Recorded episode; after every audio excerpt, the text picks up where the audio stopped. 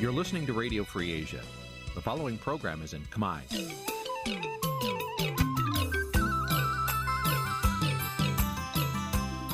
Nǐ chi càm bi tiệp xáy vệt chiu a zì sê ray នេះជាកម្មវិធីផ្សាយរបស់ Vithu Azisari ជាភាសាខ្មែរ វត្តឈូអាស៊ីសេរីសូមស្វាគមន៍លោកអ្នកនាងទាំងអស់ពីរដ្ឋធានី Washington នៃសហរដ្ឋអាមេរិក បាទពីរដ្ឋធានី Washington សហរដ្ឋអាមេរិកខ្ញុំបាទមេរិតសូមជម្រាបសួរលោកអ្នកនាងកញ្ញាប្រិយមិត្តអ្នកស្ដាប់ទាំងអស់ជាទីមេត្រី យើងខ្ញុំសូមជូនកម្មវិធីផ្សាយសម្រាប់ព្រឹកថ្ងៃច័ន្ទ10រោចខែកដិកឆ្នាំឆ្លូវត្រីស័កពុទ្ធសករាជ2565ដែលត្រូវនឹងថ្ងៃទី29ខែវិច្ឆិកាគ្រិស្តសករាជ2021បាទជាដំបូងនេះសូមអញ្ជើញលោកនាងស្ដាប់ព័ត៌មានប្រចាំថ្ងៃដែលមានមេត្តាដូចតទៅ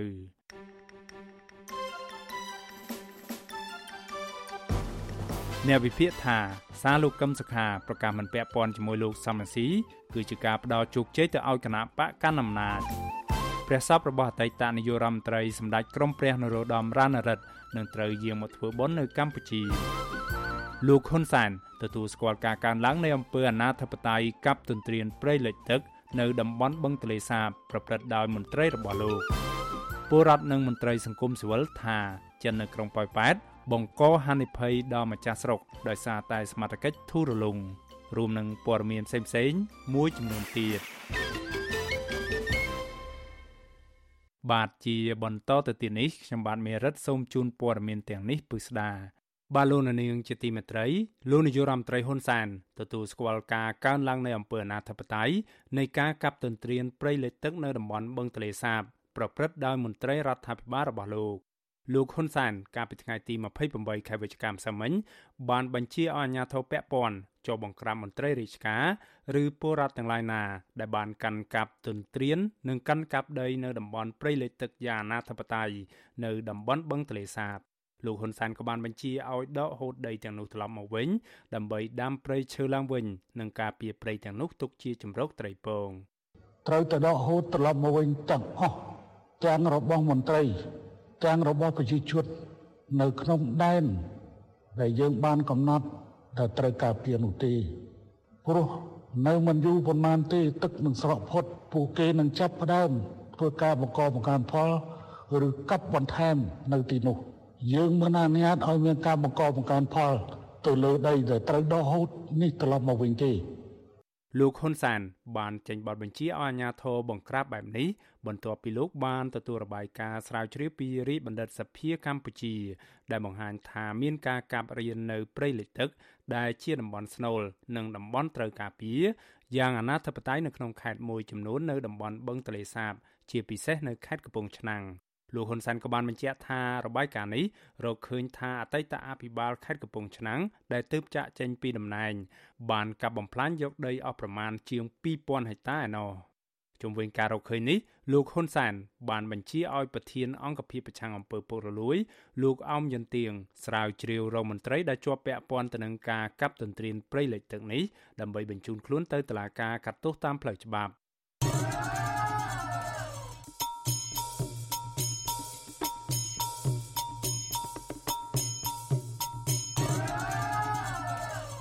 បាទលោកនាងជាទីមេត្រីព័ត៌មានពាក់ព័ន្ធទៅនឹងករណីឆ្លងនិងស្លាប់ដោយសារជំងឺរាតត្បាតសកល COVID-19 វិញម្ដង បាទករណីស្លាប់ដោយសារជំងឺ COVID-19 បានកើនឡើងដល់ជាង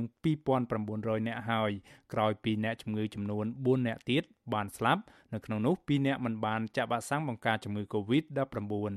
ចំណែកករណីឆ្លងថ្មីវិញក្រសួងសុខាភិបាល ប្រកាសថាមាន23នាក់ដែលជាលទ្ធផលបញ្ជាក់ដោយម៉ាស៊ីនពិសោធន៍ PCR គិតត្រឹមព្រឹកថ្ងៃទី28ខែវិច្ឆិកាម្សិលមិញកម្ពុជាមានអ្នកកើតជំងឺ Covid-19 ប្រមាណជាង120,000នាក់នៅក្នុងនោះអ្នកជាសះស្បើយមានជាង110,000នាក់ក្រសួងសុខាភិបាលប្រកាសថាគិតត្រឹមថ្ងៃទី27ខែវិច្ឆិការដ្ឋាភិបាលបានចាក់វ៉ាក់សាំងជូនពលរដ្ឋដែលគ្រប់អាយុបានប្រមាណ10លាននាក់ហើយសម្រាប់ដូសទី1និងជាង9លាន7សែននាក់សម្រាប់ដូសទី2 ចំណែកឯកុមារនិងយុវជន ដែលមានអាយុចាប់ពី5ឆ្នាំដល់17ឆ្នាំវិញក្រសួងសុខាភិបាលបញ្ជាក់ថាចាក់វ៉ាក់សាំងបានប្រមាណ4លាននាក់នៅក្នុងចំណោមអ្នកដែលត្រូវចាក់វ៉ាក់សាំងសរុបជាង4លាននាក់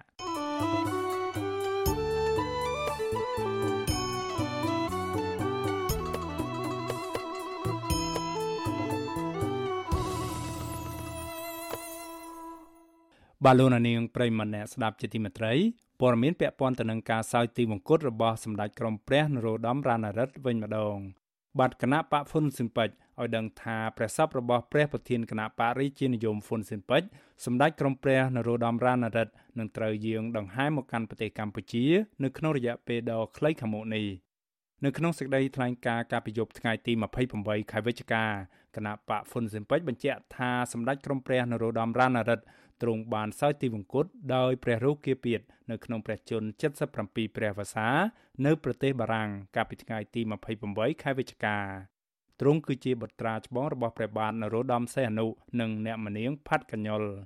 សម្ដេចក្រមព្រះបានបាត់ព្រះភ័ក្ត្រជាង3ឆ្នាំមកហើយក្រោយពីទ្រង់បានយាងទៅព្យាបាលព្រះរោគនៅប្រទេសបារាំងបន្ទាប់ពីមានគ្រោះថ្នាក់ចរាចរណ៍មួយនៅស្រុកព្រៃនប់ខេត្តព្រះសីហនុកាលពីថ្ងៃទី17ខែមិថុនាឆ្នាំ2018នៅក្នុងគ្រោះថ្នាក់នោះទ្រង់បានរងរបួសធ្ងន់រីឯអ្នកម្នាងអូផាឡាបានទទួលមរណភាព បាទសូមលោកនាងរងចាំស្ដាប់សេចក្តីរាយការណ៍ពិស្ដា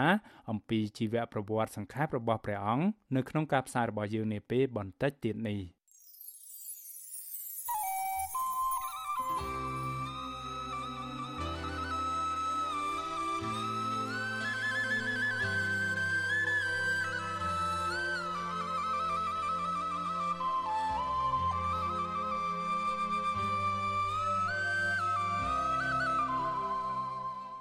បាទលោកនាងប្រិមម្នាក់ស្ដាប់ជាទីមេត្រីព័ត៌មានពាក់ព័ន្ធនឹងមេបពប្រឆាំងលោកកឹមសុខាវិញម្ដង បាទលោកកឹមសុខាចាប់ផ្ដើមនិយាយពីឈ្មោះលោកសំរាសីវិញហើយក្រោយខកខានអស់រយៈពេលជាង4ឆ្នាំមកនេះក៏ប៉ុន្តែសាររបស់លោកនៅពេលនេះហាក់បង្ហាញពីការប្រេះឆាគ្នា ជាជាងការរក្សាសម្ព័ន្ធភាពនយោបាយរវាងអ្នកទាំងពីរអ្នកវិភាគនយោបាយថា ការបែកបាក់គ្នារវាងមេដឹកនាំគណៈបពប្រឆាំងនិងហុចផលចំណេញយ៉ាងក្រាស់ក្រែលសម្រាប់គណៈបកកណ្ដាលអំណាចរបស់លោកហ៊ុនសែនលោកកឹមសុខាប្រធានគណៈបកសង្គ្រោះជាតិប្រកាសជាសាធារណៈនៅរសៀលថ្ងៃទី28ខែវិច្ឆិកាថាលោកមិនជាប់ពាក់ព័ន្ធជាមួយនឹងលោកសំរាស៊ីនិងសហការីរបស់គាត់នោះទេ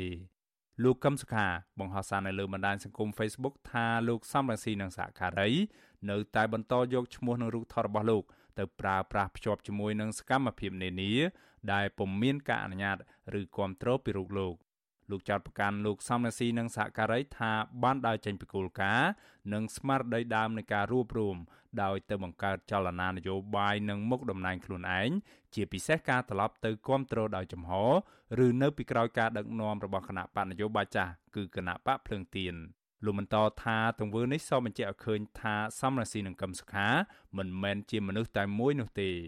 លោកកឹមសុខា បញ្ជាក់ទៀតថាលោកមិនពាក់ព័ន្ធនិងមិនទទួលខុសត្រូវចំពោះសកម្មភាពរបស់លោកសំរាស៊ីនិងក្រុមរបស់គាត់ឡើយលោកអំពាវនាវដល់លោកសំរាស៊ីនិងសហការីឲ្យឈប់យកឈ្មោះនិងរូបថតរបស់លោកទៅប្រើប្រាស់ភ្ជាប់ជាមួយនឹងសកម្មភាពមហិច្ឆតានយោបាយរបស់ខ្លួនតទៅទៀតព្រោះលោកថាករណីនេះ ធ្វើឲ្យសាធារណមតិជាតិនិងអន្តរជាតិមានការភ័ន្តច្រឡំលោកកឹមសុខាបញ្ចេញសារនយោបាយបែបនេះគឺបន្ទាប់ពីគណៈបកភ្លើងទៀនដែលបង្កើតដោយលោកសំរាសីបានធ្វើសមាជកាលពីថ្ងៃទី27ខែវិច្ឆិកាដោយបញ្ចូលសមាជិកជាច្រើនរូបដែលភាគច្រើនជាមន្ត្រីគណៈបកសង្គ្រោះជាតិដែលនិយមលោកសំរាសីក៏ត្រឹមល្ងាចថ្ងៃទី28ខែវិច្ឆិកា លោកសំរាសីមិនទាន់បញ្ចេញប្រតិកម្មណាមួយឆ្លើយតបទៅនឹងសាររបស់លោកកឹមសុខានេះនៅឡើយទេក៏ប៉ុន្តែអនុប្រធានគណៈបកសង្គ្រោះជាតិនិងជាមនុស្សចំណិតរបស់លោកសំរាសីគឺអ្នកស្រីមូសុហួរថ្លែងប្រាប់វិសុវអាស៊ីសេរីថា អ្វីដែលលោកសំរាសីនឹងថ្នាក់ដឹកនាំមួយចំនួនទៀតបានធ្វើនិងកំពុងធ្វើនៅពេលនេះគឺដើម្បីជួយស្ដារលទ្ធិប្រជាធិបតេយ្យនៅកម្ពុជានឹងការស្វែងរកយុត្តិធម៌ជូនពលរដ្ឋជិតកន្លះប្រទេសក្នុងនោះក៏រួមទាំងការជួយរកយុត្តិធម៌សម្រាប់លោកកឹមសុខាផងដែរអ្នកណាដែលគេចាប់នៅតែយកយើងចូលពន្ធនាគារឲ្យអូសយើងទៅតុលាការអ្នកណាដែលរងគ្រោះ មិនលោកប្រធានស្ដីទីសំរងស៊ីយើងទាំងអស់គ្នានឹងជាមួយលោកកុំសខានឹងទាំងអស់គ្នាខ្ញុំមិនយល់លោកប្រធានគាត់មានប្រសាសន៍ថាម៉េចទេមហាចតាយើងខ្ញុំនៃជាអ្នកនយោបាយអ្នកនយោបាយមានមហាចតាទាំងលោកប្រធានកុំសខាក៏មានមហាចតាដែរមហាចតារបស់យើងខ្ញុំគឺអីគឺការពារផលប្រយោជន៍ជាតិដូច្នេះខ្ញុំអត់មានដកថយទេ អ្នកស្រីមូសុខួរសង្កត់ធ្ងន់ថាគណៈបកសង្គ្រោះជាតិនៅតែជាបករូបរួមដដែលដរាបណាលោកកឹមសុខាមិនទាន់ប្រកាសដើរចេញពីសម្ព័ន្ធភាពជាផ្លូវការអ្នកស្រីបន្ថែមថាលោកសំរងស៊ីនឹងថ្នាក់ដឹកនាំមួយចំនួនបដិញ្ញាបន្តសកម្មភាពទាមទាររោគយុទ្ធធរនិងលទ្ធិប្រជាធិបតេយ្យជូនពលរដ្ឋខ្មែរវិញដោយមិនរក្សាភាពស្ងៀមស្ងាត់នោះឡើយបែកបាក់លុត្រាតែយើងចាក់ចេញពី គោលការណ៍ដើមស្មារតីដើមនៃសង្គ្រោះជាតិយើងអត់មានចាក់ចេញផងហើយយើងទុកជូនប្រជាពលរដ្ឋជាងពាក់កណ្ដាលនគរជាអ្នកវិនិច្ឆ័យតើតើនៅរឿងនេះក្រុមអ្នកតាមដានស្ថានភាពនយោបាយយល់ថាសាររបស់លោកកឹមសុខា កំពុងផ្ដល់ផលចំណេញសម្រាប់គណៈបកកណ្ដាលអំណាចអ្នកសិក្សាផ្នែកច្បាប់និងជាអ្នកខ្លំមើលបញ្ហានយោបាយលោកវ៉ុនចាន់លូត ថ្លែងថាលោកកឹមសុខា មានប្រសាសន៍បែបនេះបង្ហាញឲ្យឃើញពីការបែកបាក់គ្នារវាងមេដឹកនាំនយោបាយទាំងពីរហើយនេះជាអ្វីដែលគណៈបកកណ្ដាលអំណាចចង់បាន។ បើការរួបរวมរបស់លោកកឹមសុខានិងលោកសំរងស៊ីបែកបាក់គ្នាតែម្ដងបានន័យថាអ្វីដែលគណៈបកប្រជាជនធ្វើគឺជារឿងដែលត្រឹមត្រូវហើយចឹងគណៈបកប្រជាជនមិនចាំបាច់ត្រូវមានការទទួលខុសត្រូវឬក៏ខ្វាយខ្វល់អំពីការទៀមទារបស់អន្តរជាតិទេដែលទៀមទាសង្គ្រោះជាតិរស់ឡើងវិញទៀមទាឲ្យមានការស្ដារសិទ្ធិមនុស្សអីគឺមិនចាំបាច់ទេ ស្រដៀងគ្នានេះដែរអ្នកវិភាគនយោបាយបណ្ឌិតសេងសេរីថ្លែងថាលោកកឹមសុខា កំពុងធ្វើនយោបាយបែបលេខដកដែលមិនចំណេញអ្វីសោះសម្រាប់គណៈបកសង្គ្រោះជាតិប្រហែលជាគាត់មានយុទ្ធសាស្ត្រក្នុងការដើរចេញពីសង្គ្រោះជាតិក្នុងការទៅដំណើរការសិទ្ធិមនុស្សឡើងវិញដោយសារតែឃើញមាន លើកទៀនដំណើរការហើយបើជាគាត់អត់អាចទ្រាំនឹងស្ថានភាពបែបហ្នឹងបានអញ្ចឹងគាត់សម្រេចចិត្តបញ្ចេញសារមួយហ្នឹងមកហើយបន្ទាប់មកទៀតបង្ហាញពីការបែកបាក់ទៅហើយមានការអនុគ្រោះពីគណៈបកកណ្ដាលអំណាចហើយគាត់អាចមានសិទ្ធិសេរីភាពក្នុងការធ្វើនយោបាយវិញហើយប៉ុន្តែខ្ញុំគិតថាវានឹងប៉ះពាល់ដល់អ្នកគ្រប់គ្រងខ្លាំងអញ្ចឹងណារីឯតំណាងគណៈបកកណ្ដាលអំណាចនោះវិញទទួលស្គាល់ថាការបែកបាក់ផ្ទៃក្នុងរបស់គណៈបកសង្គ្រោះជាតិពិតជាផ្ដល់ផលចំណេញដល់គណៈបកកណ្ដាលអំណាចប្រកាសមែន អ្នកនាំពាក្យគណៈបកកណ្ដាលអំណាចលោកសុកអេសានថ្លែងថាក្រុមរបស់លោកសំរងស៊ីនិងលោកកឹមសុខាប្រៀបបានទៅនឹងទឹកនិងប្រេងដែលមិនអាចចុះសម្រុងគ្នានោះឡើយលោកថាការបែកបាក់សម្ព័ន្ធភាពនេះនឹងផ្ដល់ផលចំណេញសម្រាប់គណៈបកប្រជាជនកម្ពុជាក៏ប៉ុន្តែលោកបញ្ជាក់ថាទោះជាលោកកឹមសុខាបែកបាក់គ្នាជាមួយលោកសំរាស៊ីក៏ដោយក៏មិនទាន់អាចនិយាយបានថាលោកកឹមសុខា នឹងមានសិទ្ធិធ្វើនយោបាយដើម្បីប្រកួតប្រជែងជាមួយនឹងគណៈបកប្រជាជនកម្ពុជានោះដែរកម្មសខាគាត់ជាជនជាប់ចោតដែលកំពុងស្ថិតនៅក្នុងដំណើរការនីតិវិធីរបស់តុលាការនៅឡើយបាទបើសំណុំរឿងគាត់មិនរត់បិទបញ្ចប់ដោយតុលាការទេគឺអត់មានតននិយាយដល់រឿងធ្វើនយោបាយឡើងវិញឬមួយក៏គាត់ទៅនេះទៅនោះបានទេរដ្ឋាភិបាលលោកនាយរដ្ឋមន្ត្រីហ៊ុនសែនបានចោទប្រកាន់លោកកឹមសុខាពីបទក្បត់ជាតិ ក៏ប៉ុន្តែអរិយាពេលជាង4ឆ្នាំមកនេះអាជ្ញាធរមិនបានបង្ហាញភស្តុតាងរឹងមាំណាមួយ ដែលបង្ហាញពីទោសកំហុសរបស់លោកកឹមសុខានោះឡើយផ្ទុយទៅវិញសំណុំរឿងនេះត្រូវបានផ្អឹបទុកទៅតាមការចង់បានរបស់លោកនាយរដ្ឋមន្ត្រីហ៊ុនសែនការអូសបន្លាយសំណុំរឿងបូករួមទាំងការដកហូតសិទ្ធិធ្វើនយោបាយពីសំណាក់តុលាការកំពូលផងនោះបានធ្វើឲ្យមេបពប្រឆាំងដែលធ្លាប់តែមានធ្វើមាត់រូបនេះរក្សាភាពស្ងៀមស្ងាត់តាក់ទងទៅនឹងការវិវត្តស្ថានភាពនយោបាយនៅកម្ពុជា សំបីតែនៅពេលដែលមានការចាប់ខ្លួននិងចោទប្រកាន់សកម្មជនគណបកប្រឆាំងកន្លងមកបូករួមទាំងឃុំនៃការរំលាយគណបកនិងការរឹបអូសយកទីស្នាក់ការគណបកក៏លោកកឹមសុខាមិនបានបញ្ចេញសារណាមួយតាក់ទងទៅនឹងបញ្ហាទាំងនោះដែរគណៈសហគមន៍ជាតិនិងអន្តរជាតិនៅតែបន្តទទួលស្គាល់ថាលោកកឹមសុខាគឺជាប្រធានគណៈបកសង្គ្រោះជាតិនៅឡើយចំពោះការបង្ហោះសាររបស់លោកកឹមសុខានៅពេលនេះវិញ ក្រុមអ្នកប្រើប្រាស់បណ្ដាញសង្គម Facebook រាប់ពាន់នាក់បានចូលទៅបញ្ចេញមតិយោបល់ដោយអ្នកខ្លះគាំទ្រការលើកឡើងរបស់លោកកឹមសុខាក៏ប៉ុន្តែក៏មានអ្នកខ្លះបញ្ចេញប្រតិកម្មមិនពេញចិត្តនោះដែរពួកគេទាមទារលោកកឹមសុខាធ្វើសន្និសីទកាសែតឬផ្ដល់សម្ភារដល់អ្នកសារព័ត៌មានឲ្យបានច្បាស់លាស់ថាតើលោកមានចំហដូចម្ដេចចំពោះគណៈបកសង្គ្រោះជាតិជាពិសេសចំពោះសម្ព័ន្ធភាពនយោបាយជាមួយលោកសំរងស៊ី បាទលោកនាងប្រិមម្នាក់ស្ដាប់ជាទីមេត្រីជុំវិញសាររបស់លោកកឹមសុខាប្រកាសមិនពាក់ព័ន្ធជាមួយលោកសំរងស៊ីនេះប្រធានស្ដីទីគណៈបកសង្គ្រោះជាតិលោកសំរងស៊ីប្រតិកម្មថាលោកកឹមសុខាប្រកាសយ៉ាងដូចនេះគឺដោយសារតែទទួលរងនឹងការគំរាមកំហែងពីលោកហ៊ុនសែន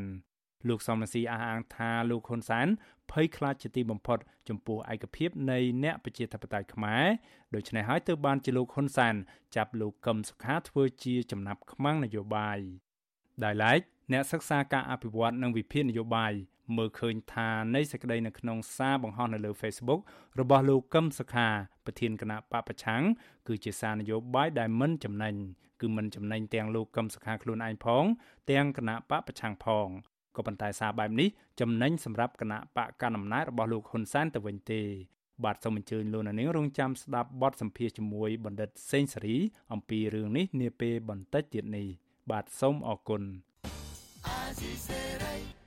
បាទលោកនាងប្រិមម្នាក់ស្ដាប់ជាទីមេត្រីក្នុងព័ត៌មានដែលដライមួយទៀត ពលករគាំទ្រគណៈបពប្រឆាំងលោកមិចហៀងកំពុងជាប់ឃុំនៅក្នុងពន្ធនាគារព្រៃសរបន្ទាប់ពីអាជ្ញាធរថៃបានចាប់បញ្ជូនលោកមកកម្ពុជាវិញតបតាមសំណើរបស់អាជ្ញាធររដ្ឋាភិបាលលោកហ៊ុនសែនមន្ត្រីអង្គការសង្គមស៊ីវិលខកចិត្តនិងរិះគន់ចំពោះកិច្ចសហការគ្នារវាងរដ្ឋាភិបាលថៃនិងកម្ពុជា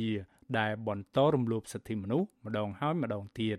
បាទពីរដ្ឋធានី Washington លោកសនចាន់រដ្ឋារាយការណ៍ព័ត៌មាននេះ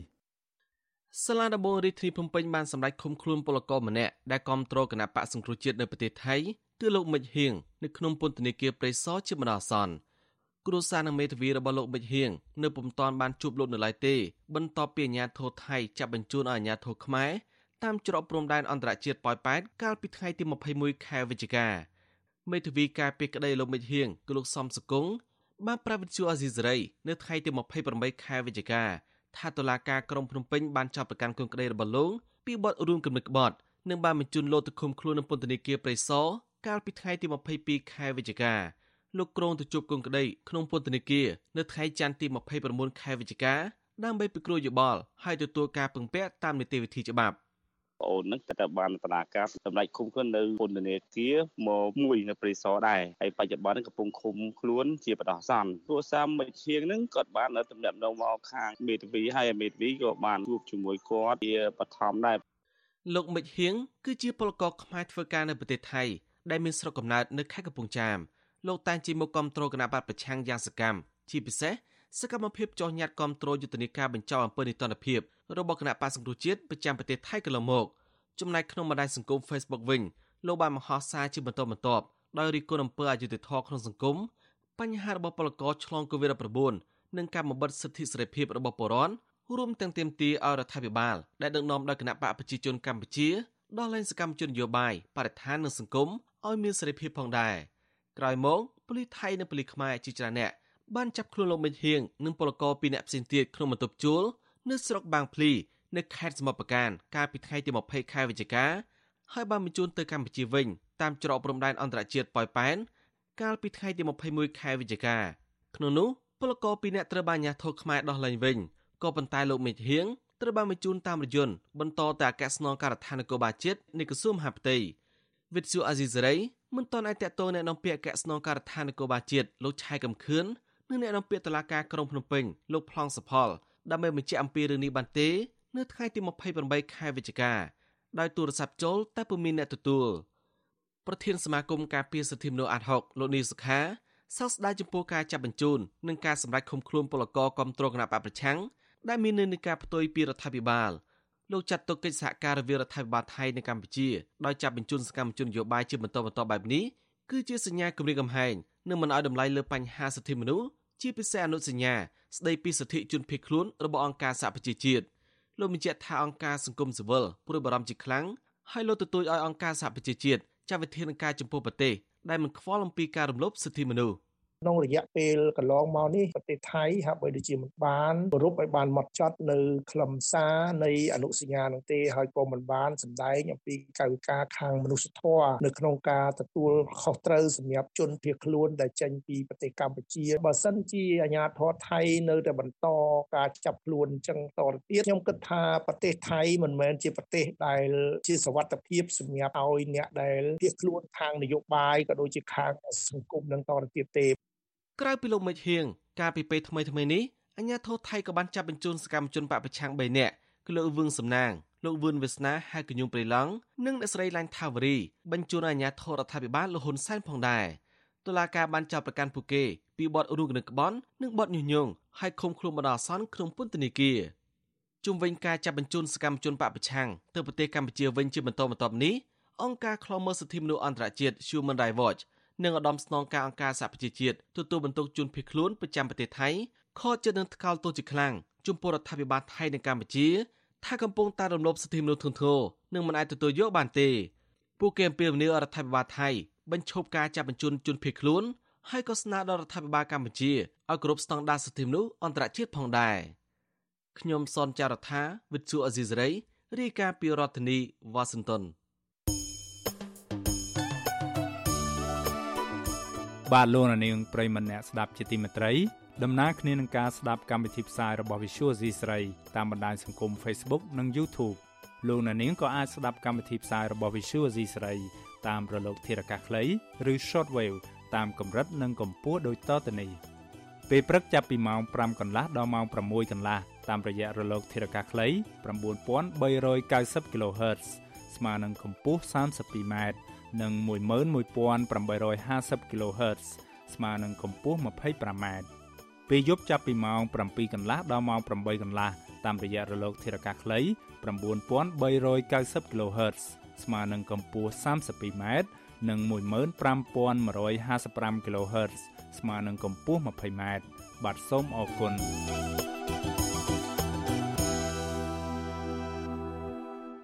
បាឡូណានីងប្រិមម្នាក់ស្ដាប់ជាទីមេត្រីពីខេត្តបន្ទាយមានជ័យអនុវិញប្រជាពលរដ្ឋនិងមន្ត្រីសង្គមស៊ីវិលព្រួយបារម្ភពីជនជាតិចិន បង្កហានិភ័យកាន់តែខ្លាំងឡើងដល់ពលរដ្ឋម្ចាស់ស្រុកដោយសារតែអាញាធរអនុវត្តច្បាប់ធូររលុង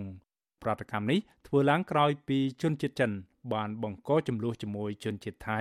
បណ្ដាលឲ្យផ្ទុះអាវុធនៅក្នុងហាងស៊ីផឹកមួយនៅក្រុងប៉ោយប៉ែតកាលពីពេលថ្មីថ្មីនេះហើយអាជ្ញាធរកម្ពុជាមិនបានចាប់ជនជាតិបរទេសទាំងនោះទេបែរជាចាប់ពលរដ្ឋខ្មែរចំនួន11នាក់ទៅវិញបាទលោកជីវិតារាយការណ៍ព័ត៌មាននេះប្រជាពលរដ្ឋនិងមន្ត្រីសង្គមស៊ីវិលនៅខេត្តបន្ទាយមានជ័យរិះគន់អាជ្ញាធរថាមិនគួរបណ្ដោយឲ្យជនជាតិចិនបង្កការភ័យខ្លាចដល់ម្ចាស់ស្រុកបែបនេះឡើយ ប្រជាពលរដ្ឋនៅក្រុងប៉ោយប៉ែតលោកស្រីសសុជាតិ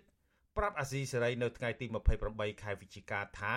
បញ្ហាចំនួននេះផ្ដើមចេញពីជនជាតិចិននិងថៃ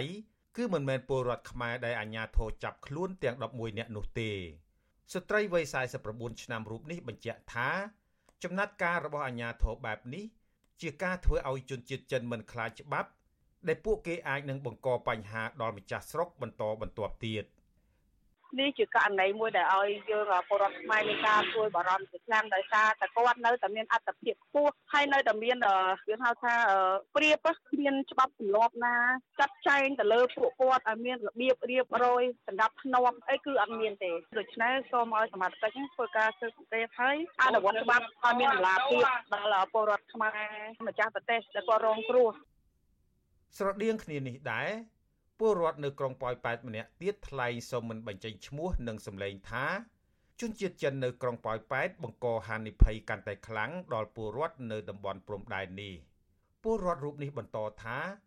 ការផ្ទុះអាវុធនៅក្នុងហាងផឹកស៊ីមួយកន្លែងនៅក្រុងប៉ោយប៉ែតកាលពីថ្ងៃទី20វិច្ឆិកានោះកើតឡើងដោយសារជនជាតិចិនខឹងនឹងជនជាតិថៃដែលចេញទៅធ្វើការជាមួយថៅកែផ្សេងពលរដ្ឋរូបនេះអះអាងថា ជនជាតិចិនមានខ្នងបង្អែកមន្ត្រី PM 3នាក់ស្លៀកពាក់ស៊ីវិលរួមមានមេបញ្ជាការ PM ក្រុងសេរីសុភ័ណ្ឌលោកយ៉ាន់សុវណ្ណមេបញ្ជាការរងកងរាជអាវុធហត្ថខេត្តបន្ទាយមានជ័យលោកវ៉ាន់លីហោនិងម្នាក់ទៀតមេបញ្ជាការរង PM ស្រុកស្វាយជែកលោកឆានសុផុនប្រពន្ធដដែលបន្តថាពេលនោះជនជាតិចិនបានស្នើឲ្យសមត្ថកិច្ចខ្មែរចាប់ជនជាតិថៃឲ្យត្រឡប់មកធ្វើការឲ្យជនជាតិចិនវិញ ប៉ុន្តែជនជាតិថៃមិនព្រមក៏ស្រាប់តែមេបញ្ជាការក្រុងសេរីសុភ័ណ្ឌលោកយ៉ាន់សវណ្ណបានដើរទៅក្រៀកកជនជាតិថៃ នៅកន្លែងស៊ីផឹកនោះ ហើយក៏មានការផ្ទុះអាវុធកើតឡើងតាក់ទងនឹងបញ្ហានេះស្នងការរងនគរបាលខេត្តបន្ទាយមានជ័យទទួលបន្ទុកអន្តោប្រវេសន៍លោកអេងលីហូប្រាប់អាស៊ីសេរីថា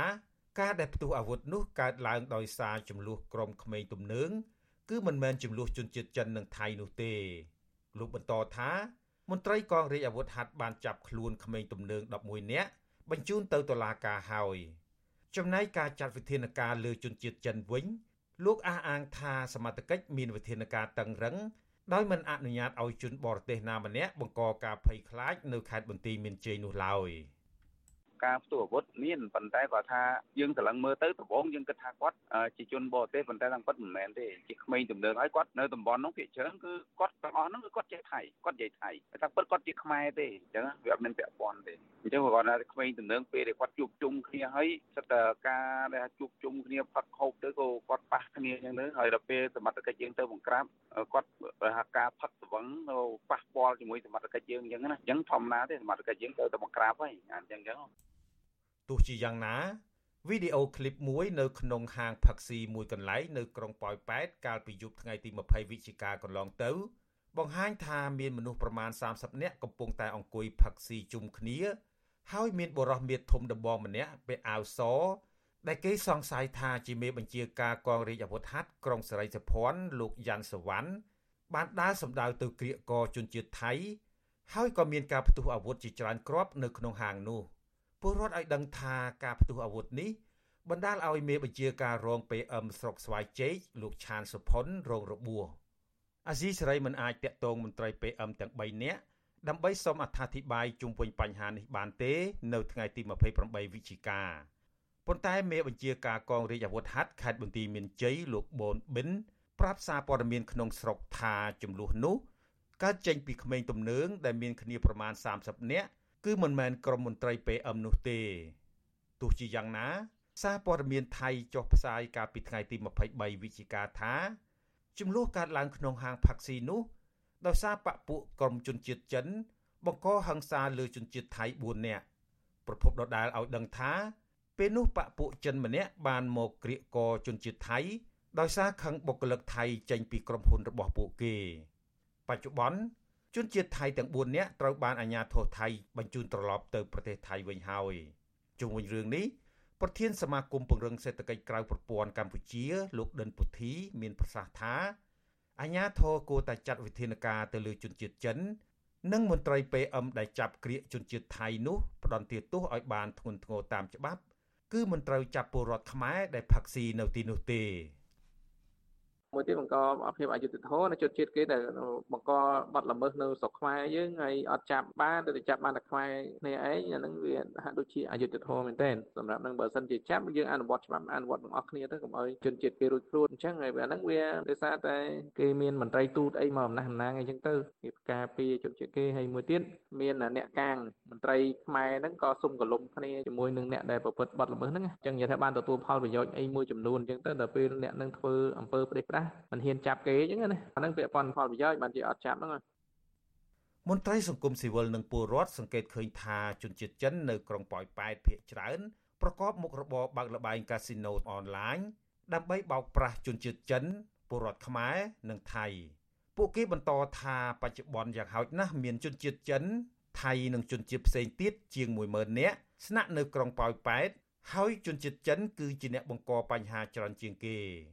ប្រជាពលរដ្ឋខ្មែរនិងមន្ត្រីសង្គមស៊ីវិលជឿជាក់ថា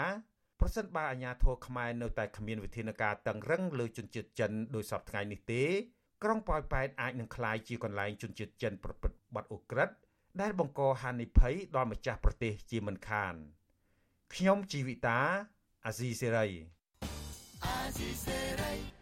បាឡូណានីងប្រិមម្នាក់ស្ដាប់ជាទីមេត្រីតាក់ទងទៅនឹងការសោយទីមង្គតរបស់សម្ដេចក្រមព្រះនរោត្តមរណរដ្ឋវិញម្ដង សម្ដេចក្រមព្រះនរោត្តមរណរដ្ឋដែលជាព្រះប្រធានគណៈបរិជានិយមហ៊ុនស៊ិនពេជ្រនិងជាអតីតនាយករដ្ឋមន្ត្រីទី1នៃប្រទេសកម្ពុជា បានសោយទីវង្គតដោយព្រះរោគាពាតនៅប្រទេសបារាំងកាលពីថ្ងៃទី28ខែវិច្ឆិកានៅក្នុងព្រះជន្ម77ព្រះវស្សាគណៈបកហ៊ុនស៊ិនពេជ្រថាព្រះសពព្រះអង្គនឹងត្រូវយាងដង្ហែមកកាន់ប្រទេសកម្ពុជានៅក្នុងរយៈពេលដ៏ខ្លីខាងមុខនេះបាទតាសម្ដេចក្រមព្រះនរោត្តមរណរដ្ឋ មានជីវប្រវត្តិបែបណាខ្លះបាទសូមអញ្ជើញលោកនាងស្ដាប់សេចក្តីរាយការណ៍របស់លោកមួងណារ៉េតជុំវិញព័ត៌មាននេះសម្ដេចក្រមព្រះនរោត្តមរណរដ្ឋជាព្រះប្រធានគណៈបកហ៊ុនស៊ិនប៉ិចនិងជាព្រះប្រធានក្រុមប្រឹក្សាផ្ទាល់របស់ព្រះមហាក្សត្រព្រះអង្គធ្លាប់ធ្វើជានាយករដ្ឋមន្ត្រីទី1នៃរដ្ឋាភិបាលកម្ពុជា និងធ្លាប់ធ្វើជាប្រធានរដ្ឋសភាជាតិព្រះអង្គប្រសូតកាលពីថ្ងៃទី2ខែមករាឆ្នាំ1944នៅរាជធានីភ្នំពេញ ទ្រង់ជាព្រះរាជបុត្រានៃព្រះបរមរតនកោដ្ឋព្រះករណាព្រះបាទសម្ដេចព្រះនរោត្តមសីហនុនិងអ្នកមនាងផាត់កញ្ញុលដែលជានេតការីនៃរបាំព្រះរាជទ្រព្យព្រះអង្គជាព្រះអនុជឬក៏ប្អូនបង្កើតរបស់សម្ដេចព្រះរាជបុត្រីព្រះរាមនរោត្តមបុប្ផាទេវីព្រះអង្គជាព្រះជេដ្ឋាឬបងប្រុសរបស់ព្រះករុណាព្រះបាទសម្ដេចព្រះបរមនាថនរោត្តមសីហមុនីក៏ប៉ុន្តែព្រះមេដាទីតីបិតាតែមួយ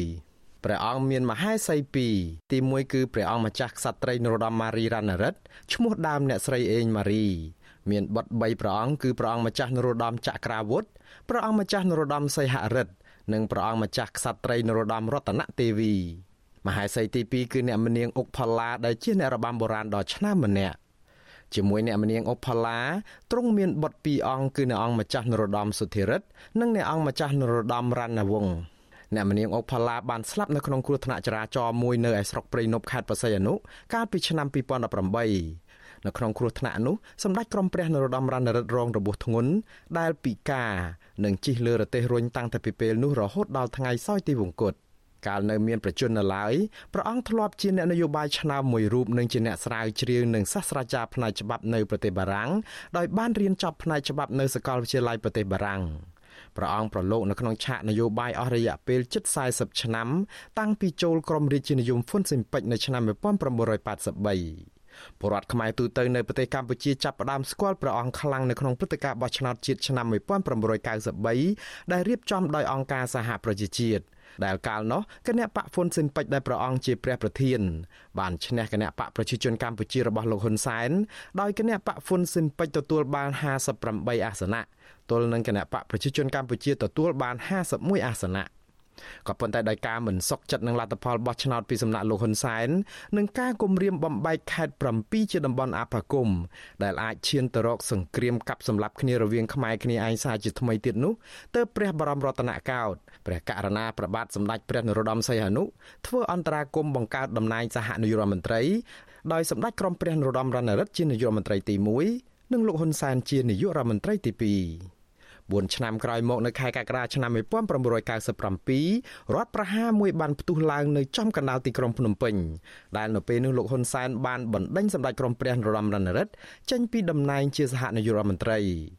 មន្ត្រីរាជានិយមជិត100នាក់ត្រូវបានក្រុមប្រដាប់អាវុធលោកហ៊ុនសែនសម្លាប់ចោលនិងមន្ត្រីជាច្រើនទៀតរងរបួសនិងភៀសខ្លួនទៅទល់ដែនកម្ពុជាថៃសម្ដេចក្រមព្រះនរោត្តមរណរដ្ឋពេលនោះបាននិរទេសប្រកាយទៅក្រៅប្រទេស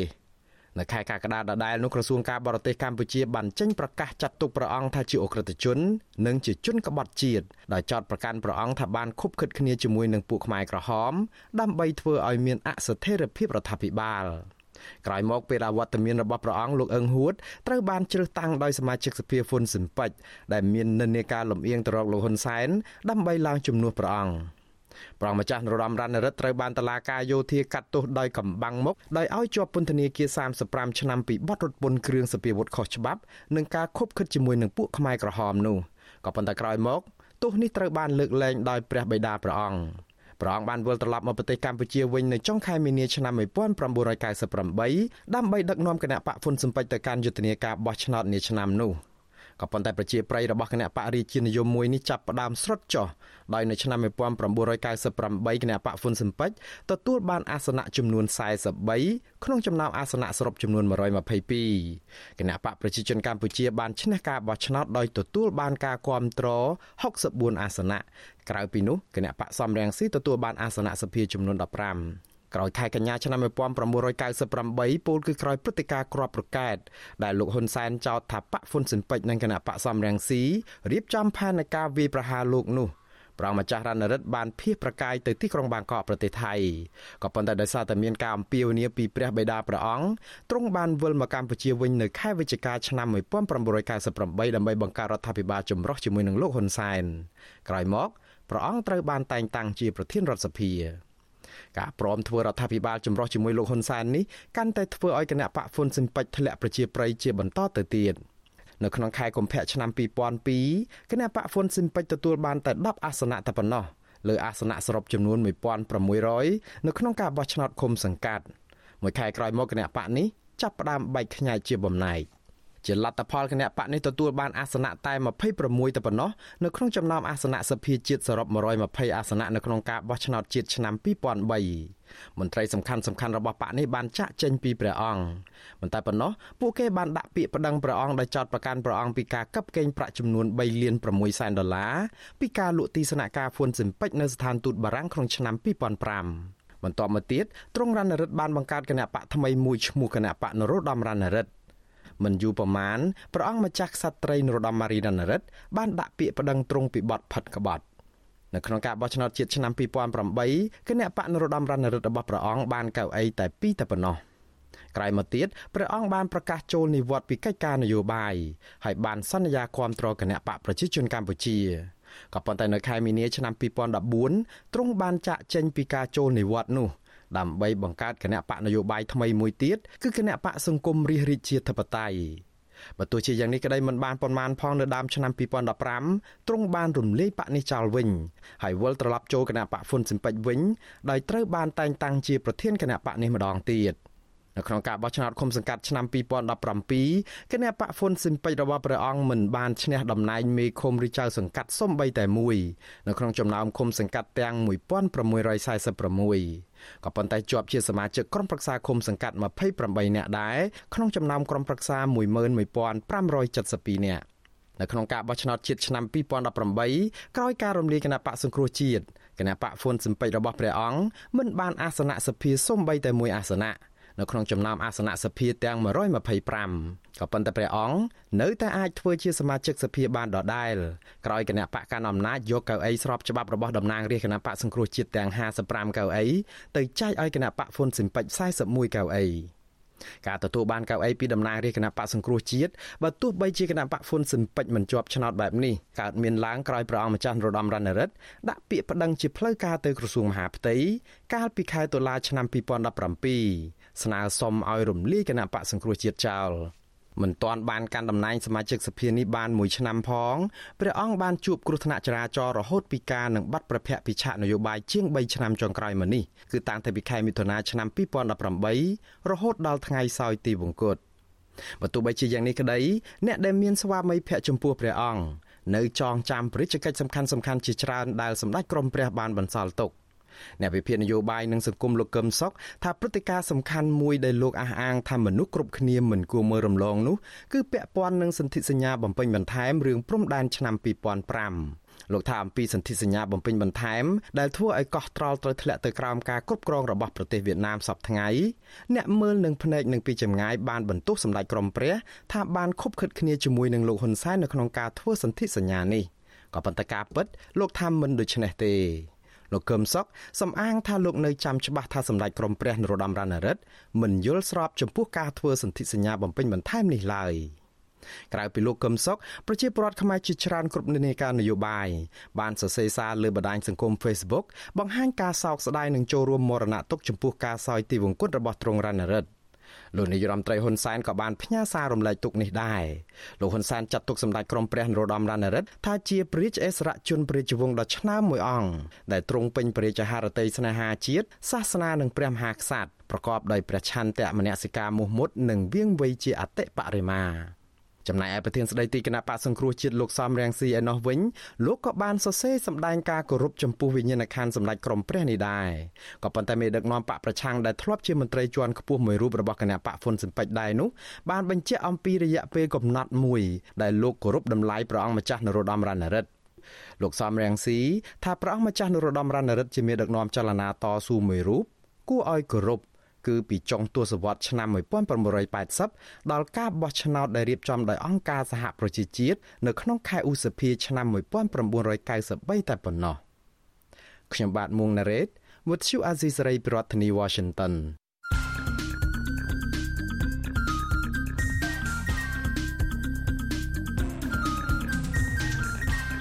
បតសំភារ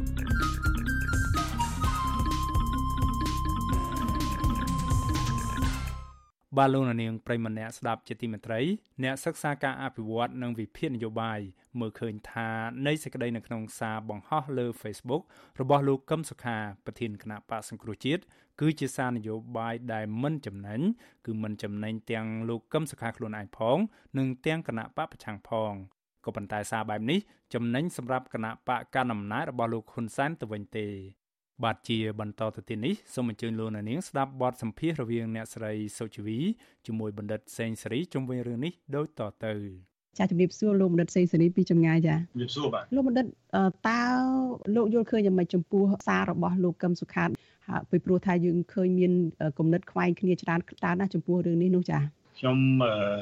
ដំបូងខ្ញុំគិតថាសារនេះវាមិនមែនជាសម្ដីរបស់ លោកតុំសិក្ខាទេពួកខ្ញុំគិតថាប្រហែលជាសហការីដែលកាន់ពេកឲ្យគាត់នឹងជាអ្នកសរសេរហើយកន្លងមកយើងឃើញថាសហការីជុំវិញគាត់នឹងហាក់ដូចជាមិនសូវជាមានវិន័យហើយចូលចិត្តសរសេរអីប្រេះផ្ដាស់ជាពិសេសហ្នឹងគឺតែងតែរិះគន់ដៃគូនៅក្នុងការតស៊ូនយោបាយរួមណាជាពិសេសរិះគន់ទៅលោកសំរងស៊ីនោះចឹងហើយខ្ញុំសង្ស័យថាមានសហការីដេកផ្ដាស់ណាម្នាក់សរសេរជំនួសគាត់ប៉ុន្តែមកដល់នេះពួកយើងអត់ទាន់ឃើញលោកកឹមសុខានឹងចេញបកស្រាយនៅឡើយដូច្នេះមានន័យថាសារនឹងជាសារដែល សរសេរដល់គាត់ផ្ទាល់ហើយនៅក្នុងសាររបស់លោកកឹមសុខាហ្នឹងបើយើងមើលទៅមាន2 3ចំណុចសំខាន់ចាទី1ហ្នឹងគឺលោកលើកឡើងថាមកដល់ពេលនេះលោកសង្កេតឃើញថាលោកសំរងស៊ីនឹងនៅតែទៅយករូបថតអឺដែលជាសកម្មភាពរបស់លោកនឹងទៅភ្ជាប់ជាមួយនឹងសកម្មភាពរបស់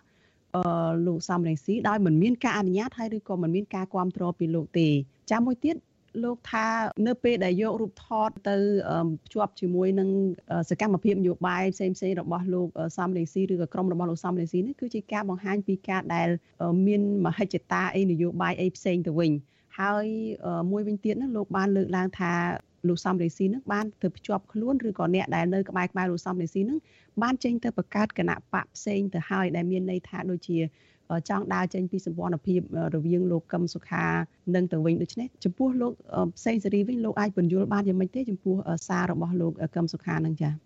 ខ្ញុំខ្ញុំសង្កេតឃើញជារឿងដែលចម្លែកអញ្ចឹងហើយបានខ្ញុំសង្ស័យថាមិនមែនជាសារដែលសរសេរផ្ទាល់ដៃគាត់ណាព្រោះធម្មតាយើងជាប្រធានបកហើយយើងទៅហាមមន្ត្រីជាន់ខ្ពស់លោកសំរងស៊ីបើយើងគិតទៅគាត់ជាប្រធានស្ដីទីមានន័យថាគាត់ដូចជាមន្ត្រីជាន់ខ្ពស់ម្នាក់របស់លោកកឹមសុខាអញ្ចឹង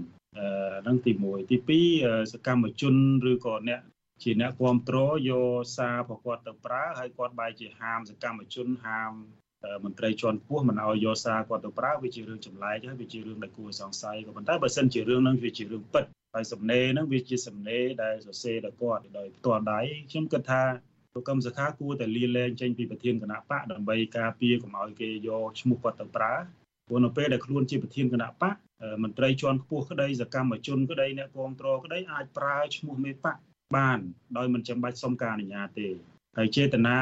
នៅក្នុងការយកឈ្មោះទៅប្រើហ្នឹងកុំឲ្យតែវាយកទៅបំពេញច្បាប់ឬក៏យកទៅក្នុងចេតនាអាក្រក់ប៉ុន្តែយកទៅនៅក្នុងចេតនាដើម្បីតស៊ូ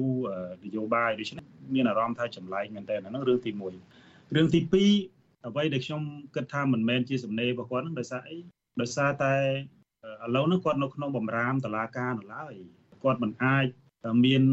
សិទ្ធិនៅក្នុងការបញ្ចេញមតិផ្នែកខាងនយោបាយឬក៏ធ្វើសកម្មភាពនយោបាយទេកន្លងមកយើងឃើញហើយថាគាត់រក្សាភាពស្ងៀមស្ងាត់តាមបែបអហិង្សាដោយមិនតបមិនតអីជាដើមអញ្ចឹងហើយបើគាត់សរសេររបៀបនេះមានន័យថាគាត់ចាប់ផ្ដើមសរសេរសារនយោបាយហើយវាទៅបំពេញ បំរាមតឡាការដែលដាក់កំហិតឲ្យគាត់មិនពាក់ព័ន្ធរឿងនយោបាយអាហ្នឹងខ្ញុំមិនដឹងថាតឡាការនឹងមានប្រតិកម្មបែបណាទេយើងចាំមើលទាំងអស់គ្នាហ្នឹងចំណុចទី2ចំណុចទី3លោកកឹមសខាគួរតែយកពេលវេលានៅក្នុងការបដិបដៅមន្ត្រីថ្នាក់ក្រោមរបស់ខ្លួនដើម្បីឲ្យចូលគន្លងនៃការតស៊ូកុំឲ្យវង្វេងសមរភូមិជាជាងប្រើសាររបៀបនេះព្រោះការធ្វើរបៀបនេះវាជាវាជាការធ្វើនយោនយោបាយលេខដកវាអត់ចំណេញអីទោះបីខ្លួន មានចេតនាចង់ចេញប្រយុទ្ធឬក៏ចង់ចូលរួមប្រកួតការបោះឆ្នោតឆ្នាំ2022 2023នេះក៏ដោយប៉ុន្តែការធ្វើរបៀបនេះគឺហាក់ដូចជាបដិសេធទៅលើអ្នកគ្រប់គ្រងសំរងស៊ីនិយមដែលរួមគ្នាជាមួយនឹងលោកកុំសខាបង្កើតសង្គ្រោះជាតិនោះទាំងស្រុងចំណុចទី4ខ្ញុំក៏គិតដែរខ្ញុំគិតថាពួកក្រមដែលនៅជុំវិញលោកកឹមសុខាហ្នឹងខ្ញុំមិនដឹងថា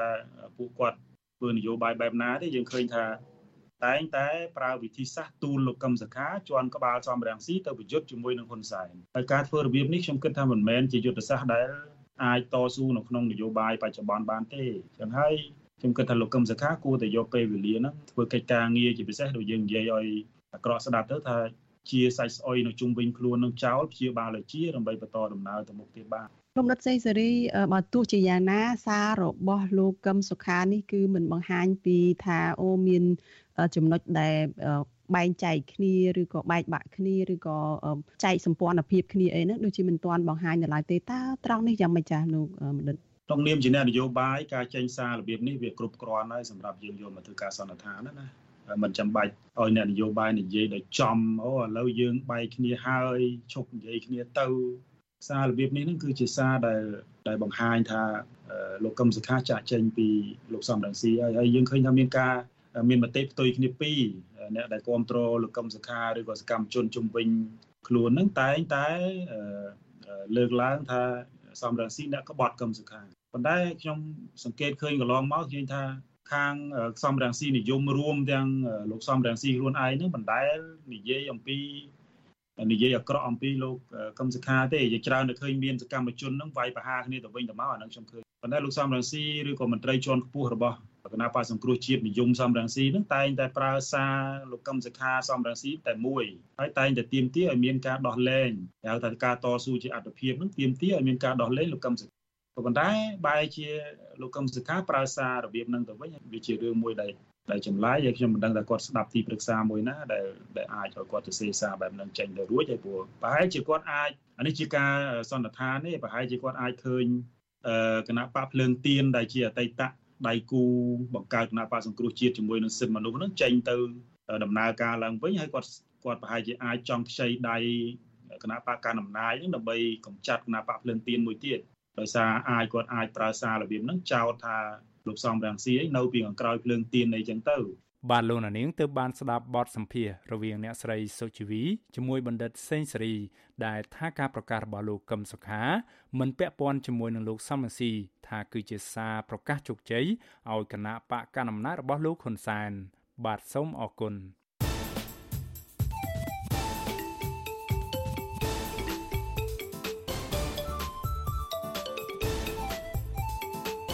បទវិភាគ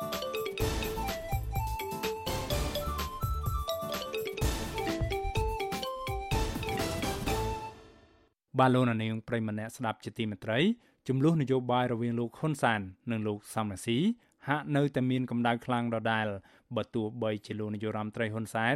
មួយលើកជាពីរលើក បានប្រកាសថាលោកមិនចង់រវីរវល់និងមិនឆ្លើយមិនឆ្លងជាមួយលោកសំរងស៊ីដែលលោកហ៊ុនសែនខ្លួនឯងតែងតែចាត់ទុកថាជាមេឧទាមក្រៅច្បាប់ និងជាអ្នកនយោបាយរត់ចោលស្រុកយ៉ាងណាក៏ដោយក្តី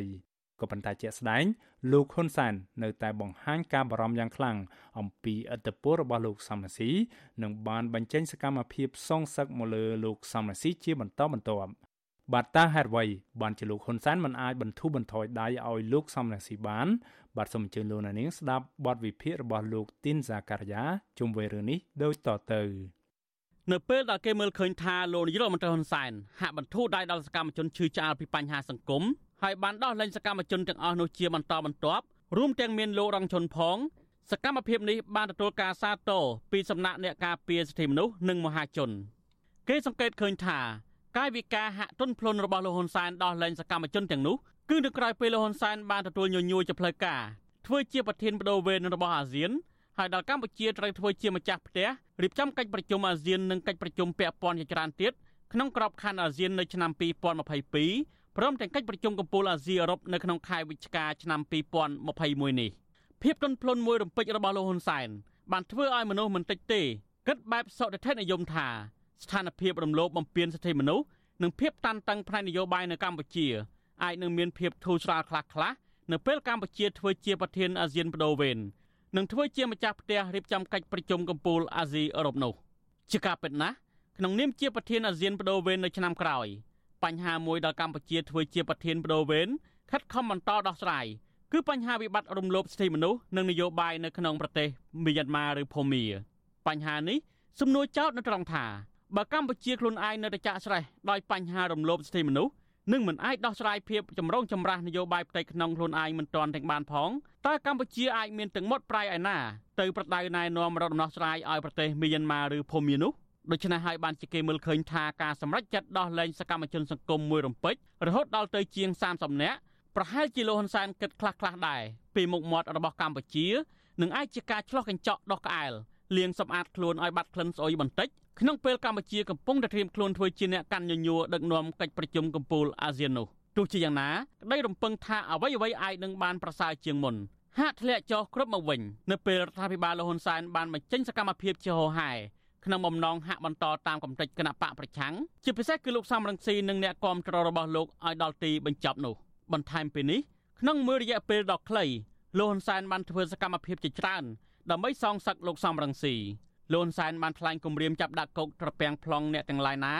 ដែលហ៊ានប្រមូលផ្ដុំគ្នាធ្វើបាតកម្មប្រឆាំងនឹងការដឹកនាំរបស់លោកនៅពេលប្រជុំកំពូលអាស៊ានដែលកម្ពុជាធ្វើជាម្ចាស់ផ្ទះនោះបើទោះជាថ្លែងមិនចំឈ្មោះអ្នកណាជាមេខ្លោង ប៉ុន្តែគេជឿថាសាររបស់លោកហ៊ុនសែនគឺសម្ដៅដល់ក្រុមបកប្រឆាំងនៃអតីតគណៈបកសង្គ្រោះជាតិដែលលោកចោទថាអាចប្រាយុទ្ធសាស្ត្រត្រីបកលើក្តារអុកអាស៊ានដើម្បីបបាក់មុខលោកនោះលោកហ៊ុនសែនដែលគេដឹងថាជាអ្នកចូលចិត្តលេងអុកមួយរូបដែរនោះបានប្រកាសបដិញ្ញាថា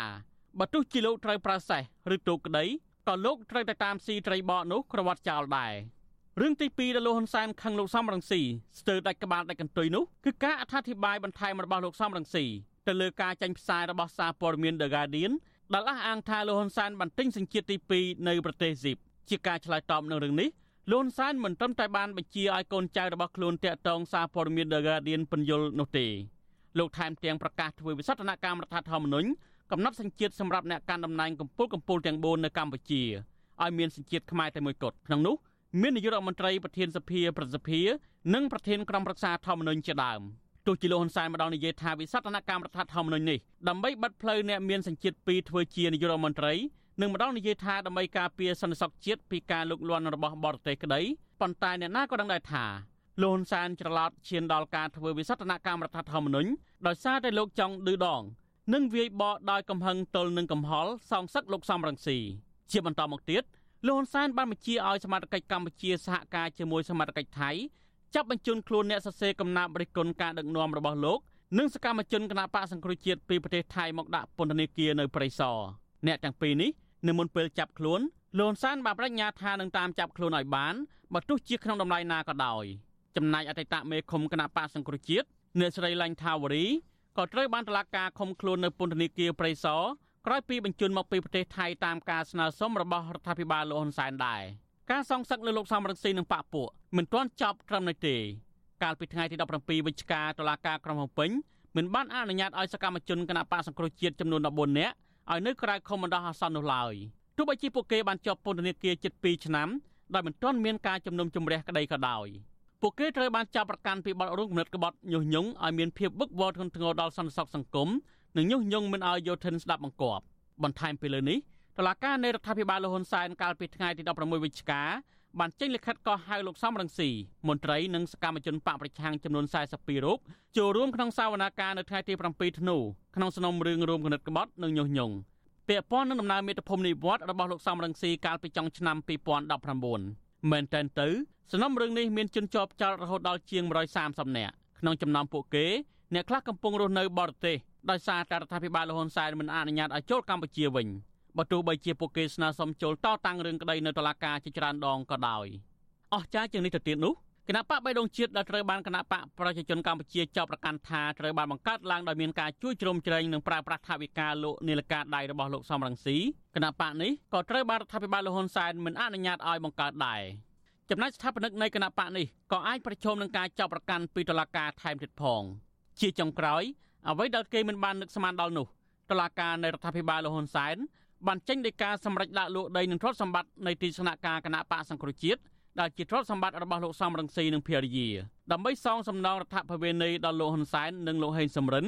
លោកសខេងនិងមេធាវីតំណាងរដ្ឋាភិបាលកម្ពុជាក្នុងសំណុំរឿងបរិហាកេនិងញុះញង់ការប្រកាសលក់ទ្រព្យសម្បត្តិរបស់លោកសំរងស៊ីដើម្បីសងលោកហ៊ុនសែនត្រូវបានគេមើលឃើញថា ជាការឌឺដងរបស់លោកហ៊ុនសែនទៅកាន់សហរដ្ឋអាមេរិកដែលកាលពីពេលថ្មីៗនេះ បានសម្រេចដាក់ទណ្ឌកម្មមន្ត្រីយោធាជាន់ខ្ពស់ថ្នាក់ឧត្តមសេនីយ៍កម្ពុជាពីររូបពាក់ព័ន្ធនឹងអំពើពុករលួយក្នុងការសាងសង់មូលដ្ឋានទ័ពជើងទឹករៀមដែលអាមេរិកកំពុងចោទប្រកាន់កម្ពុជាថាសម្រាប់បម្រើវិស័យយោធារបស់ចិននោះដូច្នេះហើយទើបមានអ្នកខ្លះលើកឡើងថាការប្រកាសលក់ទ្រព្យសម្បត្តិរបស់លោកសំរងស៊ីជាការសងសឹករបស់លោកហ៊ុនសែនលើលោកសំរងស៊ីផងនិងជាការផ្កើនឬឌឺដងរដ្ឋាភិបាលអាមេរិកផងដែលហាក់ប្រៀបបានដូចជាការខឹងគោទៅវាយរទេះអញ្ចឹងដែរមែនតើទៅ គេហាក់ដូចជាមានសង្ឃឹមតិចតួចណាស់ថាលោកហ៊ុនសែននឹងអាចបន្ធូរដៃដល់ក្រុមបកប្រឆាំងជាពិសេសដល់លោកសំរងស៊ីដោយសារតែនៅក្នុងក្រសែភ្នែករបស់លោកហ៊ុនសែនតាំងពីដើមទីមកលោកសំរងស៊ីគឺជាគូប្រជែងប្រកបដោយការបារម្ភតែមួយគត់ដែលអាចធ្វើឲ្យរង្គោះរង្គើដល់ការកាន់អំណាចរបស់លោកជាពិសេសបើសិនជាលោកហ៊ុនសែនហ៊ានបើកឲ្យលោកសំរងស៊ីប្រណាំងប្រជែងនយោបាយដោយចំហយុទ្ធធរនិងស្មើភាពនោះភាពខ្លាំងរបស់លោកសំរងស៊ីត្រូវបានគេមើលឃើញចាប់តាំងពីពេលលោកស្ថិតនៅជាមួយគណៈបកហ្វុនស៊ិនពេជ្រ កាលពីមិនទាន់បែកបាក់មកម្លេះលោកគឺជាអតីតរដ្ឋមន្ត្រីក្រសួងសេដ្ឋកិច្ចដែលទទួលបានការកោតសរសើរចំពោះការដឹកនាំក្រសួងនេះនិងចំណាត់ការលើជនពុករលួយលោកគឺជាមេដឹកនាំបកប្រឆាំងដំបូងគេដែលបាក់បកបានត្រឹមតែ3ឆ្នាំតែអាចទទួលបានអាសនៈក្នុងរដ្ឋសភារហូតដល់ទៅ15អាសនៈក្នុងការបោះឆ្នោតឆ្នាំ1598ចំនួនអាសនៈសភាគណៈបករបស់លោកបានកើនឡើងជារៀងរាល់អាណត្តិនៅទីបំផុតក្រោយការបង្រួបបង្រួមបង្កើតគណៈបកសង្គ្រោះជាតិគណៈបកប្រឆាំងមួយនេះ ស្ទើរតែធ្វើឲ្យគណៈបកប្រជាជនកម្ពុជារបស់លោកហ៊ុនសែនបាត់បង់អំណាចកាលពីឆ្នាំ2013បកប្រឆាំងបន្តរក្សាភាពខ្លាំងរបស់ខ្លួនរហូតដល់ការបោះឆ្នោតជ្រើសរើសក្រុមប្រឹក្សាឃុំសង្កាត់នៅឆ្នាំ2017ដោយសារតែភាពខ្លាំងនេះហើយទើបនៅទីបំផុតទៅធ្វើឲ្យលោកហ៊ុនសែនរត់តែបារម្ភកាន់តែខ្លាំងឡើងខ្លាំងឡើងគឺបារម្ភរហូតដល់រំលាយគណៈបកនេះចោលតែម្ដងនៅថ្ងៃទី16វិច្ឆិកាឆ្នាំ2017រហូតមកដល់ពេលនេះ ទោះបីជាគណៈបកសង្គ្រោះជាតិត្រូវបានលោកហ៊ុនសែនរំលាយជាង4ឆ្នាំមកហើយក្តីតែលោកហ៊ុនសែននៅតែបន្តបារម្ភអំពីការវិលត្រឡប់មកវិញនៃគណៈបកប្រឆាំងនិងបារម្ភពីវោហារសាស្ត្រនយោបាយរបស់លោកសំរងស៊ីដោយហេតុថាមេបកប្រឆាំងរូបនេះនៅតែបន្តមានប្រជាប្រិយភាពនិងការគ្រប់គ្រងច្រើនពីសកម្មជននយោបាយនិងមហាជនទូទៅគេសង្កេតឃើញថារដ្ឋាភិបាលលហ៊ុនសែនតែងតែតាមដាននៅវោហារសាស្ត្រនយោបាយរបស់លោកសំរងស៊ីថ្លែងនៅក្រៅប្រទេសរហូតជំរុញឲ្យលោកហ៊ុនសែន មិនត្រឹមតែមិនឆ្លងឆ្លើយជាមួយលោកសំរងស៊ីដោយដែលលោកហ៊ុនសែនតែងតែប្រកាសនោះទេតែលោកហ៊ុនសែនថែមទាំងបានរៀបចំយុទ្ធសាស្ត្រដើម្បីទប់ទល់នឹងអធិបុលរបស់លោកសំរងស៊ីថែមទៀតផងនោះណាក៏ដឹងដែរថាលោកហ៊ុនសែនបានប្រើគ្រប់វិធីសាស្ត្ររារាំងមិនឲ្យលោកសំរងស៊ីអាចវិលចូលច្រកវិញបានលោកសំរងស៊ីប្រកាសពីផែនការវិលចូលច្រកនៅថ្ងៃទី9វិច្ឆិកាឆ្នាំ2019និងគៀកោឲ្យសកម្មជននៅក្រៅប្រទេសចូលច្រកជាមួយនឹងអ្នកគាំទ្រនៅក្នុងប្រទេសទៅទទួលលោក បែរជាលោកហ៊ុនសែនទប់ស្កាត់និងបានគម្រាមកំហែងមិនឲ្យក្រុមហ៊ុនអាកាសចរដោយលោកសំរងស៊ីវិលចូលកម្ពុជាវិញបានឡើយលើសពីនេះលោកហ៊ុនសែនបានប្រាប់រដ្ឋាភិបាលថៃមិនអនុញ្ញាតឲ្យលោកសំរងស៊ីឆ្លងចូលកម្ពុជាតាមទឹកដីថៃនោះទេក្រៅពីរារាំងលោកសំរងស៊ីមិនឲ្យចូលច្រកបានលោកហ៊ុនសែនបានធ្វើទុកបុកម្នេញសកម្មជននិងអ្នកគាំទ្រគណៈបកប្រឆាំងណាដែលហ៊ានបង្ហោះសារឬប្រកោកប្រកាសចូលរួមដំណើរជាមួយលោកសំរងស៊ីមានសកម្មជនបកប្រឆាំងជាច្រើនត្រូវបានលោកហ៊ុនសែនចាប់ប្រកាន់និងចាប់ដាក់គុករហូតមកដល់បច្ចុប្បន្ន នៅពេលរៀបចំយុទ្ធសាស្ត្រមិនឲ្យលោកសំរងស៊ីវិលចូលច្រកវិញបានហើយលោកហ៊ុនសែនជារឿយៗបែរជាថ្លែងឌឺដងថាលោកសំរងស៊ីជាអ្នកនយោបាយកំសាករត់ចោលប្រជាពលរដ្ឋមិនហ៊ានចូលច្រកទៅវិញប៉ុន្តែទាំងលោកសំរងស៊ីទាំងមន្ត្រីនិងសកម្មជនបកប្រឆាំងដែលត្រូវបានតុលាការចាប់ប្រកាន់និងក៏ហៅចូលរំសាវនាការមកដល់សប្តាហ៍ថ្ងៃនៅតែទទូចឲ្យលោកហ៊ុនសែនបើកផ្លូវឲ្យពួកគេវិលចូលកម្ពុជាវិញបើទោះជាថានៅពេលមកដល់កម្ពុជាលោកហ៊ុនសែនចាប់ពួកគេដាក់គុកក៏ដោយ ប៉ុន្តែគេមើលឃើញថាលោកហ៊ុនសែនមិនក្លាហានហ៊ានឲ្យលោកសំរងស៊ីវិលចូលស្រុកវិញបាននោះឡើយមកដល់ត្រង់ចំណុចនេះប្រហែលជាគេអាចធ្វើសេចក្តីសន្និដ្ឋានបានថាលោកហ៊ុនសែនមិនងាយបន្ធូរដៃឲ្យលោកសំរងស៊ីនោះទេលោកហ៊ុនសែនអាចដោះលែងសកម្មជនសង្គមឲ្យមានសេរីភាពខ្លះខ្លះដើម្បីបង្ហាញឲ្យសហគមន៍អន្តរជាតិឲ្យឃើញពីភាពធូរស្រាលស្ថានភាពរំលោភសិទ្ធិមនុស្សនៅកម្ពុជាក្នុងនាមខ្លួនជាប្រធានអាស៊ានបដូវវេន ប៉ុន្តែលោកហ៊ុនសែនប្រហែលជាមិនអាចបន្ធូរដៃឲ្យលោកសំរងស៊ីមន្ត្រីនិងសកម្មជនបកប្រឆាំងបាននោះទេពីព្រោះថាវត្តមានរបស់លោកសំរងស៊ីនៅក្នុងប្រទេសនឹងប្រកាសជាធ្វើឲ្យរង្គោះរង្គើដល់ការកាន់អំណាចរបស់លោកហ៊ុនសែននិងអ្នកចំនួនក្រោយរបស់លោកសរុបសេចក្តីមកដរាបណាលោកសំរងស៊ីនៅតែអាចបន្តប្រើវោហារសាស្ត្រនយោបាយដរាបនោះលោកហ៊ុនសែននៅតែបន្តបារម្ភពីឥទ្ធិពលរបស់លោកសំរងស៊ីការបន្ធូរដៃរបស់លោកហ៊ុនសែនចំពោះលោកសំរងស៊ី ក៏អាចជាការចាប់ផ្ដើមចំពោះទៅរកការបាត់បង់អំណាចរបស់លោកហ៊ុនសែនដែរដូច្នេះហើយទើបគេមើលឃើញថាលោកហ៊ុនសែនបន្តតាមកំទេចលោកសំរងស៊ីនិងបកពួកដើម្បីការពារអំណាចរបស់លោកនិងក្រុមគ្រួសារប៉ុន្តែបើលោកហ៊ុនសែនបន្តធ្វើដូច្នេះការរិះគន់ពីសហគមន៍អន្តរជាតិក៏នឹងបន្តកើតមានហើយទណ្ឌកម្មធ្ងន់ធ្ងរក៏ប្រហែលជាអាចនឹងធ្លាក់មកលើលោកហ៊ុនសែននិងបកពួករបស់លោកដែរចំណែកឯលោកសំរងស៊ីវិញបើទោះជាលោកហ៊ុនសែនមិនបន្ធូរដៃក្តីលោកសំរងស៊ីក៏បានប្រកាសរួចហើយដែរថា លោកនឹងនៅតែបន្តជឿឆ្អាលពីរឿងនយោបាយនៅកម្ពុជា ជាដរាបខ្ញុំទីនសាការីយ៉ាអសិរ័យប្រធានីវ៉ាស៊ីនតោន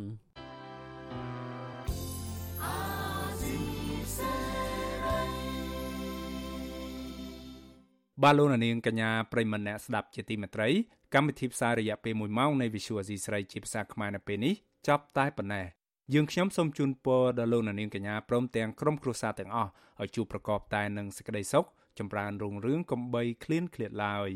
ខ្ញុំបាទមេរិតព្រមទាំងក្រុមការងារទាំងអស់នៃ Visual Asia ស្រីសូមអរគុណនិងសូមជម្រាបលា